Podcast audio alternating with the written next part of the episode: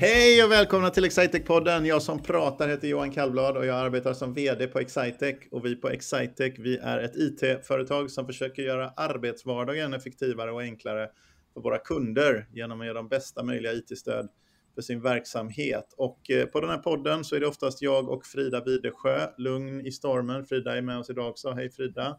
Hej Johan! Det är oftast du och jag som pratar med någon kollega och någon gång ibland med någon samarbetspartner eller någon kund eller någon annan person som vi tycker är eh, intressant. Och eh, nu tycker jag det ser ut som att du inte, våra lyssnare här undrar ju om, eh, om du är i Oslo hela tiden. Eh, vi får ju så många lyssnarfrågor och sådana här liksom säckar med post. Vi har pratat lite om det här också, hur jag måste passa mig lite för att vara lite, lite mer ungdomlig och sådär och inte referera till poddar som radio och eh, inte liksom eh, inte prata om film som, eh, ska vi se, en VHS eller något sånt där.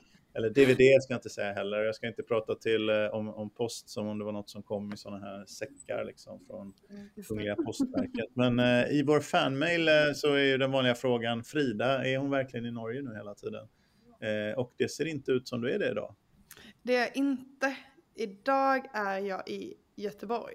Det ser ut, jag tyckte det där fönsterblecket som jag ser, våra lyssnare ser ju inte riktigt det. Mm. Men det såg inte ut som norsk standard. Nej, det, det är Göteborgs standard. jag, jag har faktiskt flyttat precis nyligen så att eh, det, det, är lite kaos just nu. Så att jag, jag, eh, jag kör hemma idag, det är hemmakontoret eh, i flyttkaoset. Mm. Hur, hur många lådor har du packat upp på arbetstid? jag tog faktiskt och använde lite komptid förra veckan till eh, att eh, flytta. Så det var väldigt, eh, väldigt skönt. Um, så att det var min torsdag och fredag faktiskt. Mm. Mycket mm. bra. Ha, ska, vi, eh, ska, vi ha någon, eh, ska vi ha någon gäst idag tycker du? Men vi har ju en alldeles fantastisk gäst med oss. Vi har Ellen med oss. Välkommen Ellen! Tack så mycket, kul att få vara med. Tack Ellen. Kul att ha dig med. Vad, vad gör du på Excitec? Du sa tack att du fick vara med. vad jag gör på Excitec? Eh, jag sitter just nu som trainee eh, och jag sitter och jobbar med eh, på en insiktsdel då, i Stockholm. Så jag sitter och jobbar med Klick som ni säkert har pratat många gånger om tidigare. Trivs jättebra. Det är jättekul på jobbet här. Vad härligt. Och eh, hur länge är det traineeprogrammet har varit igång nu? Ja, det är ju nu någonstans på traineeprogrammet va? Ja, vi började 9 augusti och det håller väl på till årsskiftet så att vi är nog någonstans där mitt i. Mm. Mattekunskaperna har varit bättre än de är. Är det någon som har koll? Är det två månader? En halv? Ja, men eh, ish två månader kvar. Så det, mer än hälften är passerat. Vad har du fått göra de senaste veckorna? Oj, eh, allt. Nej, men nu har vi väl gått över lite grann från de här äh, introduktionsbitarna på traineeprogrammet och jobbat lite mer eh, mot våra kunder. Eh, så att jag har fått några egna puckar från min mentor och mina närmaste kollegor. Sen har vi också några utbildningar kvar men eh, mesta delen av tiden gör vi, lägger vi på kund nu. Mm. Det känns jätteroligt, skapa lite värde. Det känns som det är rätt mycket att göra nu, va? Är det inte det generellt? Jo, alla har häcken full, får man säga så?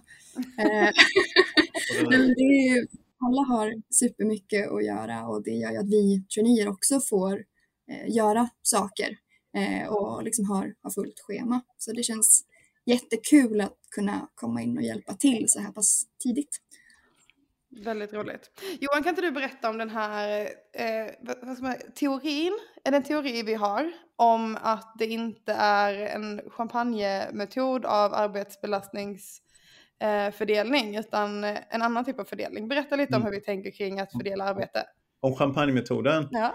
Champagnemetoden är den som är fel då, så det är dumt att, att berätta. Det är som champagnemetoden fast tvärtom. Nej, men champagnemetoden är att när man fyller, det här är så, så här vet väl alla hur man fyller champagneglas när man bygger en sån, här, en sån här. När man bygger en pyramid av champagneglas och ska fylla i så är det ganska snyggt så häller man överst så rinner det över kanten på det översta glaset så rinner det ner till nästa glas och så rinner det ner till nästa glas och så till slut har man fyllt så fyller man på med flaskor överst och så, så rinner champagne ner. Det är ganska tjusigt. Så ska man inte göra när man försöker få igång eh, nya människor utan man ska göra precis tvärtom. Man ska börja med, eh, egentligen är det så här, en arbetsuppgift i regel ska utföras av eh, den personen som kan minst, som precis klarar uppgiften.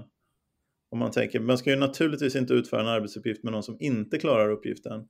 Men man ska ta det med den som, den som är närmast att inte klara den är den som ska göra det normalt sett. Om man börjar jobba lite grann på det sättet, så vem, vem, för då slipper man hamna i det här att de som kan allra, allra mest jobbar med alldeles, alldeles för enkla arbetsuppgifter och inte har tid mm. att hjälpa de som, de som kan mindre. Det går mycket effektivare att komma igång om, man, eh, om, om de som kan mest inte använder den kompetensen till att, eh, till att bara sitta i sina egna leveranser och uppdrag, utan att de lägger mycket av den tiden på att hjälpa igång andra. Det är, det är så som vi ser på det hela. Och sen får man ibland, så kan någon säga, ja men hur blir det med, liksom, då kan jag få någon som inte kan så mycket som ska jobba åt mig.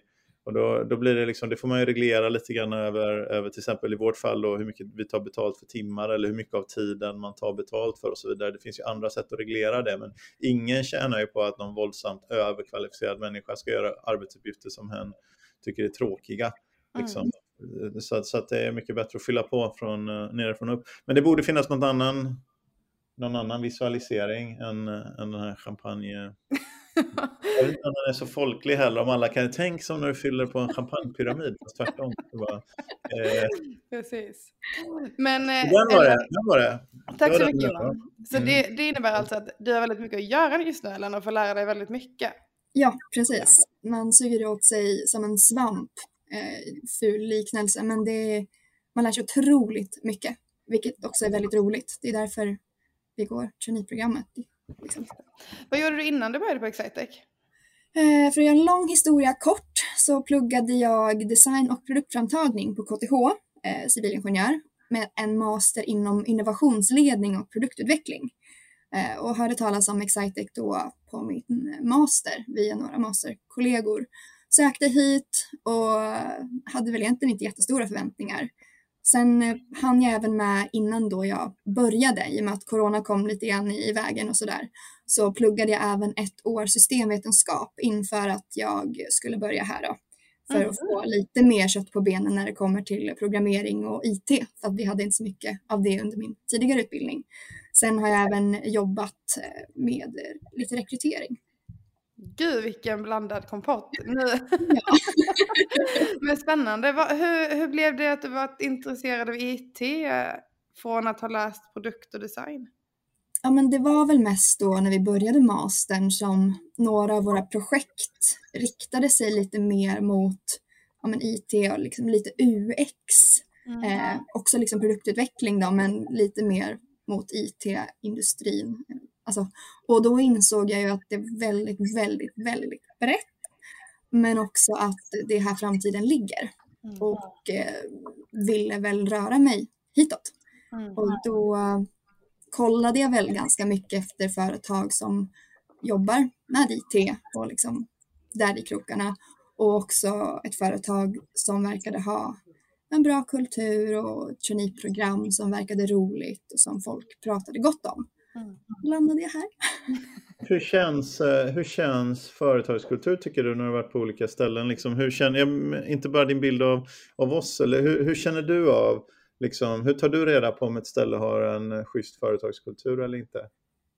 Men jag brukar börja med att liksom kolla runt på hemsidan och kanske läsa lite, söka på LinkedIn brukar jag kolla lite grann.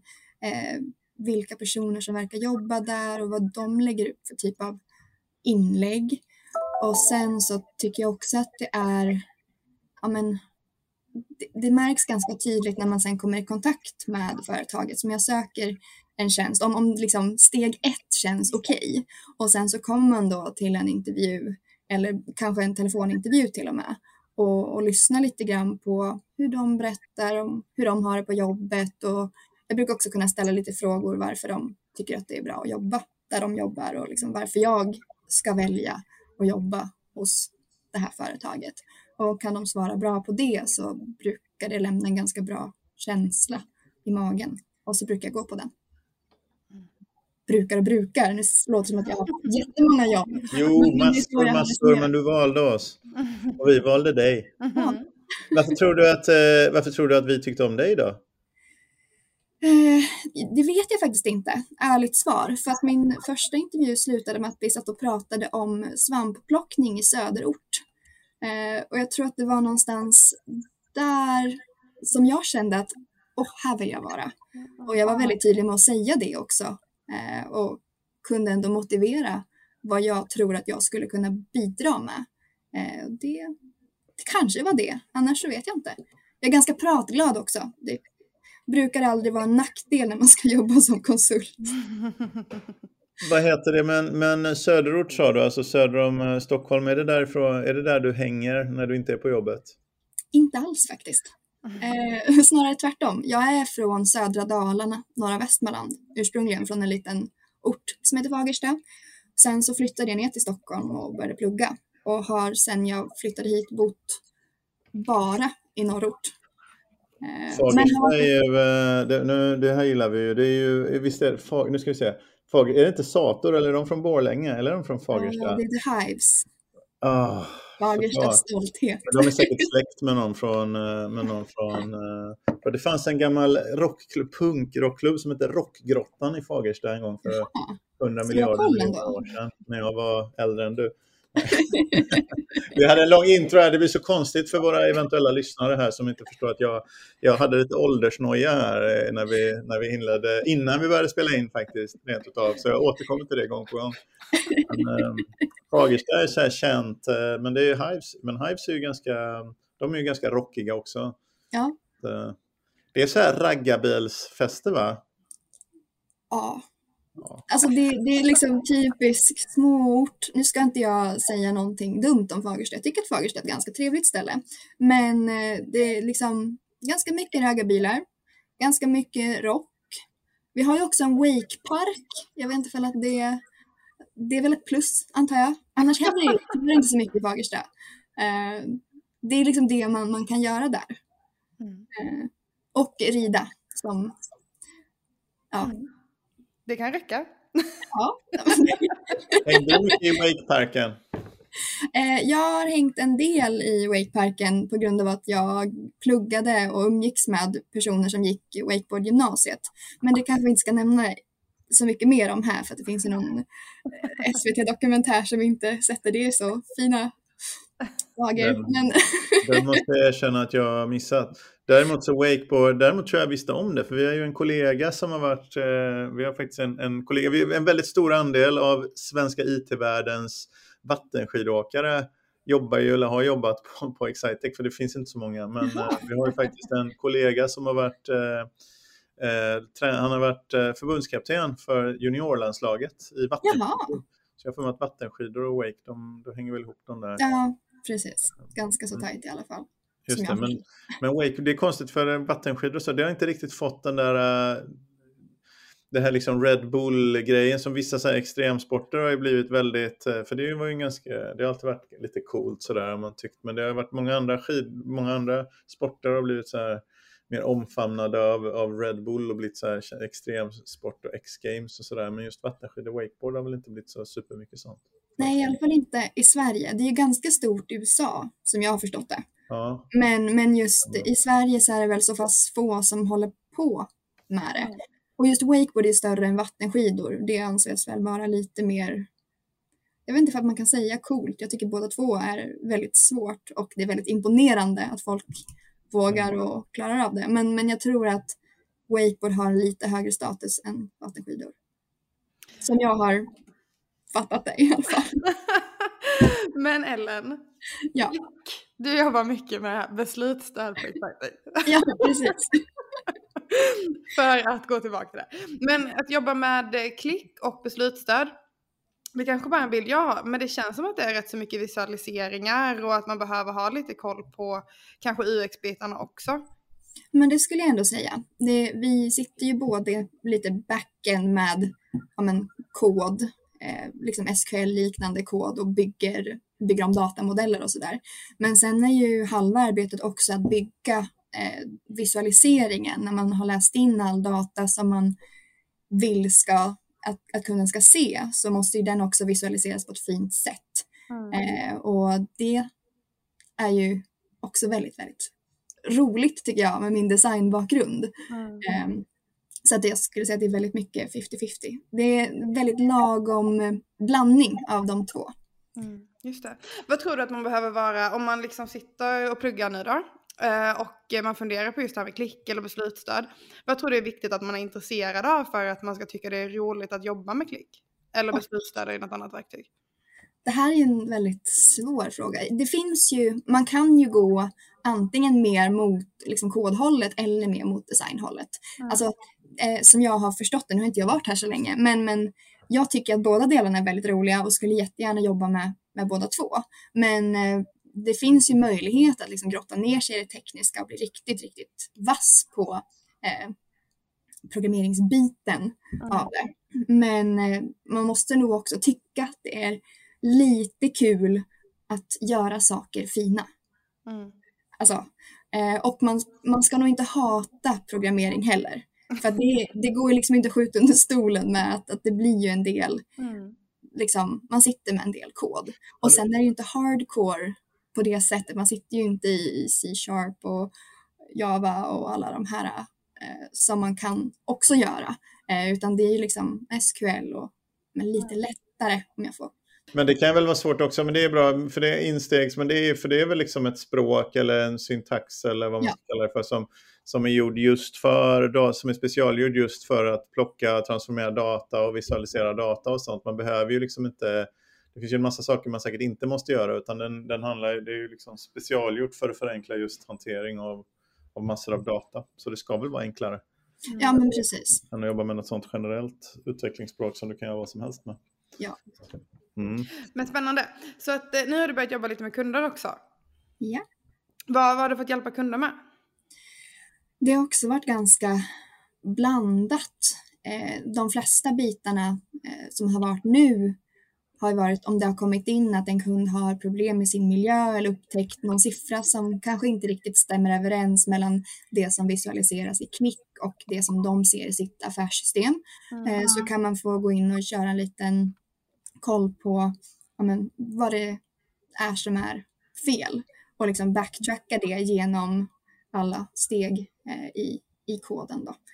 Eh, och sen så andra saker kan ju vara att de vill ja, men, utveckla en applikation som redan finns. Ja, men, de vill lägga till eh, en tabell eller de vill lägga till en kolumn i en tabell.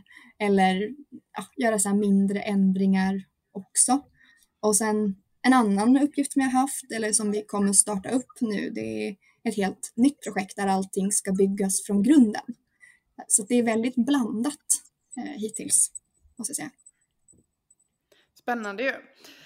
Så du, du hittade till Excitec och blev intresserad av IT. Vad, Mm. vad var det, hur känns det nu att um, ha, ha gått de här månaderna? Vad, vad ser du fram emot eh, kommande innan, eh, innan årsskiftet? innan årsskiftet? Det är också en så här svår fråga, tycker jag, att svara på.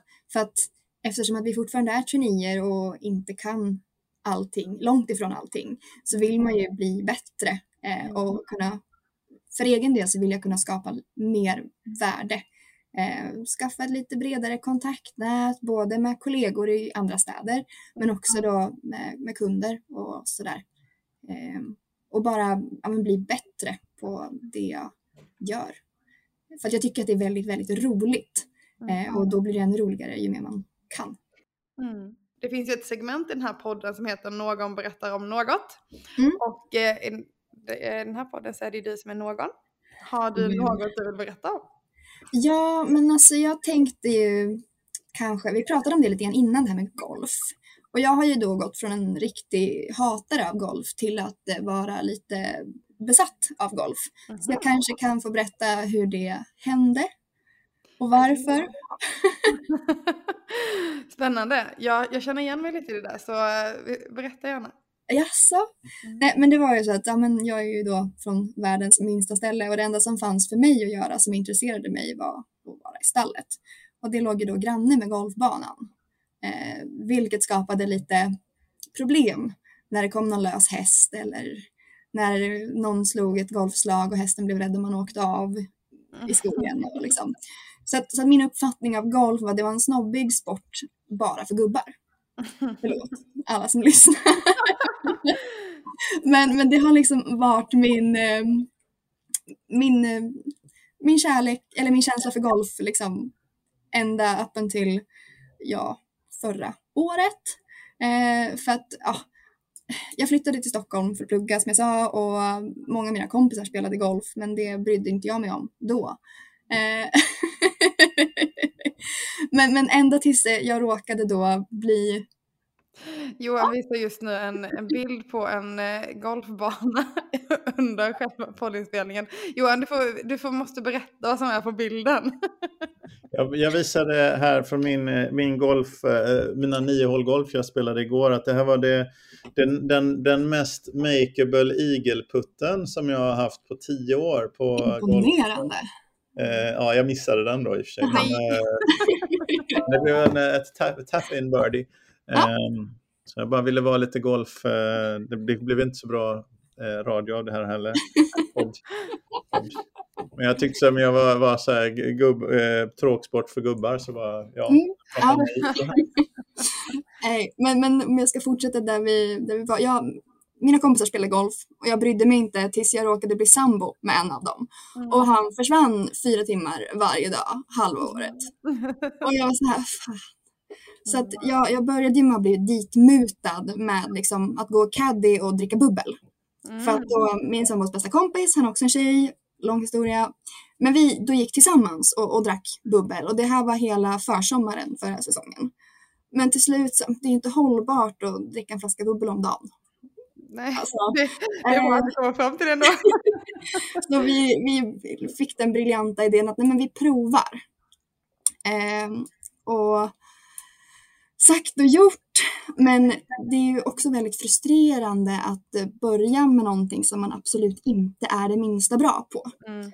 Så jag spenderade ju resten av förra sommaren med att missa bollen. Mm.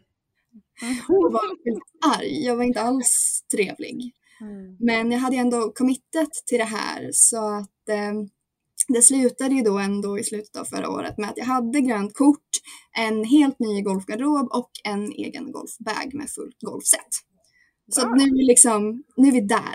Mm. Så inför det här året, eller den här säsongen, så kändes det som att men nu, nu känns det liksom ändå okej. Okay. Jag har sänkt mig lite grann i handikapp och ja, långt ifrån någon form av tävling, tävlingshandikapp.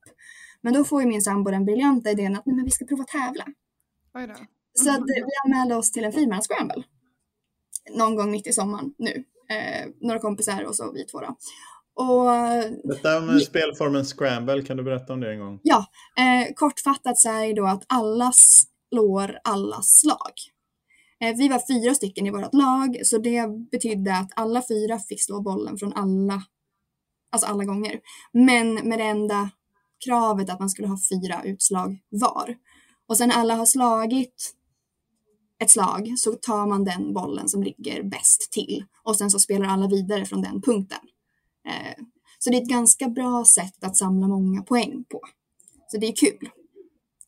Eh, men jag visste ju ingenting av det här när jag stod där och skulle slå ut från tid. Eh, men eh, det gick ganska bra. Jag slog eh, exakt fyra bra slag. Och då för er som inte är golfintresserade så hur många slag gör jag på en runda? Kan det vara 90 stycken? Fyra av dem blev bra. Som tur var. Så att, eh, och mina lagkompisar spelade exemplariskt. Så vi, vi gick och vann den där kvaltävlingen. Och då var det så här, nu är det kul med golf. Alltså nu är det jätteroligt med golf. Mm. Eh, och, och då gick finalen då för, ja men det är någon månad sedan nu. Men då tänkte jag också att okej, okay, men nu har jag tyckt att golf har varit roligt. Jag har spelat mycket i sommar. Jag har sänkt mig lite grann. Det är ganska, ja men jag är en bra hobbygolfare. Så vi kommer väl inte komma på någon bra placering på den här tävlingen. Eh, kom till den här lilla tävlingen och igen så lyckas jag slå fyra bra slag. eh, men min lagkompis, apropå din igel då, eh, sänkte en igel på par fyra från 87 meter. Oj. Ja, min, eh, min igel eh, missade jag ju då så jag gjorde ingen eh, och de ifrån. Men jag satte, jag satte utslaget på green på, en par, på ett par fyra hål. Det var det som hände. Ja, nej men det, så då kände jag att ja, men jag kanske ska jag kanske bara inte ska gå med resten av rundan för de klarar sig ganska bra själva. Eh, men, men jag gick med där som moraliskt stöd kan vi säga och de bar laget till ja, ytterligare en seger. Och det var jättekul. Eh, men nu känner jag ju också lite grann det här att eh, golf är svinkul men jag kommer aldrig någonsin kunna tävla igen för att jag har ju 100% vinst. Mm.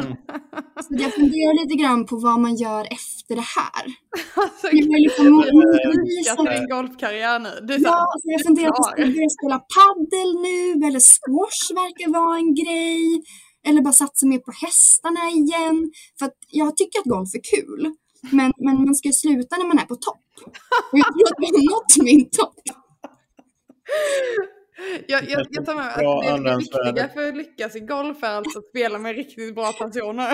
Exakt, exakt, exakt. För jag själv är fortfarande rikskass. Jag menar, jag har inte ens tävlingshandikapp. Jag har inte ens handikapp 36, jag tror 36,1. Och det är liksom, ja, jag tycker att det är kul att gå där och slå på den här bollen nu, för jag träffar ju bollen. Mm. Men jag träffar den ju inte bra. Mm. Då får man jobba mer med flyt istället för talang. Men alltså, jag, jag hör det där och det är ju faktiskt väldigt kul. Men mitt bästa tips till dig är nog ändå att ta en eh, golfkurs. För att, eh, det är ja, det har, ja, och det, det är ju... Johan, det har ju du också gått. Hur, eh, hur gick det? Eh, jag... Eh, du får börja. ja, det gick skitbra för mig. Jag sänkte mitt handikapp med 10 punkter direkt efter kursen. Så att, eh, ja, det var en... Eh, men jag var sjukt dålig innan så att eh, det var lättare i början liksom. Men det var en jättebra golflärare och han filmade hela tiden och var väldigt noga med exakt vad jag skulle vrida och vända på och liksom så här. Så att vi gick igenom slag för slag. Mm. Mm. Så att ehm, det var ytterst bra för mig faktiskt. Men jag, jag eh, hade väl inte riktigt samma upplevelse då. Du vet ju det, vi har redan pratat om det här. Eh, men det var ju så att jag började ju eh, egentligen förra året så började jag igen efter ett ganska långt uppehåll. Eller jag spelade totalt tre rundor golf på sex år innan, innan för två år sedan. Kan man säga. Som av en händelse har jag en son som är åtta också. Så, men jag spelade, jag spelade tre rundor golf på, på sex år. Och eh, sen började jag spela lite mer förra året och mycket mer i år. Och så gick jag då en golfkurs, men nu har jag gjort om handikappsystemet just så att förut mm. var det mm. så att handikappsystemet i princip reflekterade det bästa du någonsin hade spelat, för det gick så oerhört svårt att höja, långsamt att höja sig och ganska fort att sänka sig i handikapp. Och handikapp är ju då sådana som inte spelar golf, det är ju det antalet slag man får i rabatt när man spelar för att jämna ut spelskicklighet. När man, när man tävlar så kan det vara som Ellen har 24 i handikapp och jag kanske har 18 och Frida kanske har 9. Då får vi så många slags rabatt på, på det, i princip på det antal slag vi, vi slår liksom när, vi, när vi spelar och så, så jämnas det där så jämnas det ut sig så vi kan tävla mot varandra. Det är ett ganska kul system de har i golfen på det sättet. Men då har de gjort om handikappsystemet. Det brukar vara så att det, handikappet reflekterade det bästa du någonsin hade spelat. Eh, medan nu har de gjort om det så att det är snittet eh, i princip. På dina, det är snittet på dina bättre rundor tekniskt sett dina mm. åtta bästa av dina 20 senaste. Så det, det, det är ett, ett, snitt som du kan spela på som händer då och då, men ändå lite bättre än vad du brukar spela. Eh, men då eftersom jag gjorde om det från det att jag spelade förr i tiden till, till dess att jag började igen så var jag inte riktigt så duktig som mitt handikapp indikerade. Så jag gick alltså upp i handikapp. Under tiden jag hade min golfkurs så gick jag upp i handikapp med fem slag ungefär. Men nu har jag vänt och så har jag börjat gå ner igen, men jag är fortfarande ungefär två slag över. Eh, det är, eller 1,5 slag eh, över det handikappet jag hade när jag började på säsongen. jag, jag ligger ett och ett halvt år och ett och ett halvt, så jag har alltså blivit sämre då på pappret. Egentligen har jag nog inte det, utan det var det att jag spelade ju aldrig på mitt handikapp. Jag spelade väl någon runda på mitt handikapp någon gång för 20 år sedan och sen har den gått upp med 0,1 per år. Liksom. Så. Ja, men, ja, det, det, låter ändå som att du fick ut någonting av kursen. Så Vet du vad, jag har haft roligt. Min, min kompis eh, Oskar, shoutout till Oskar, som jag med och spelade nu i helgen. Vi spelar bara nio, nio hål spelar vi här i helgen. Han, eh, han sänkte sig på golfrundan och då sa han, eller en, en tidigare golfrunda vi spelade i somras och även nu i, i helgen. Men förra gången då sa han, då sa han så här, det här var eh, shit, jag kommer ihåg senaste gången jag sänkte mig, sa han. Det, det var, sänkte jag, så han slog bättre än sitt handikapp.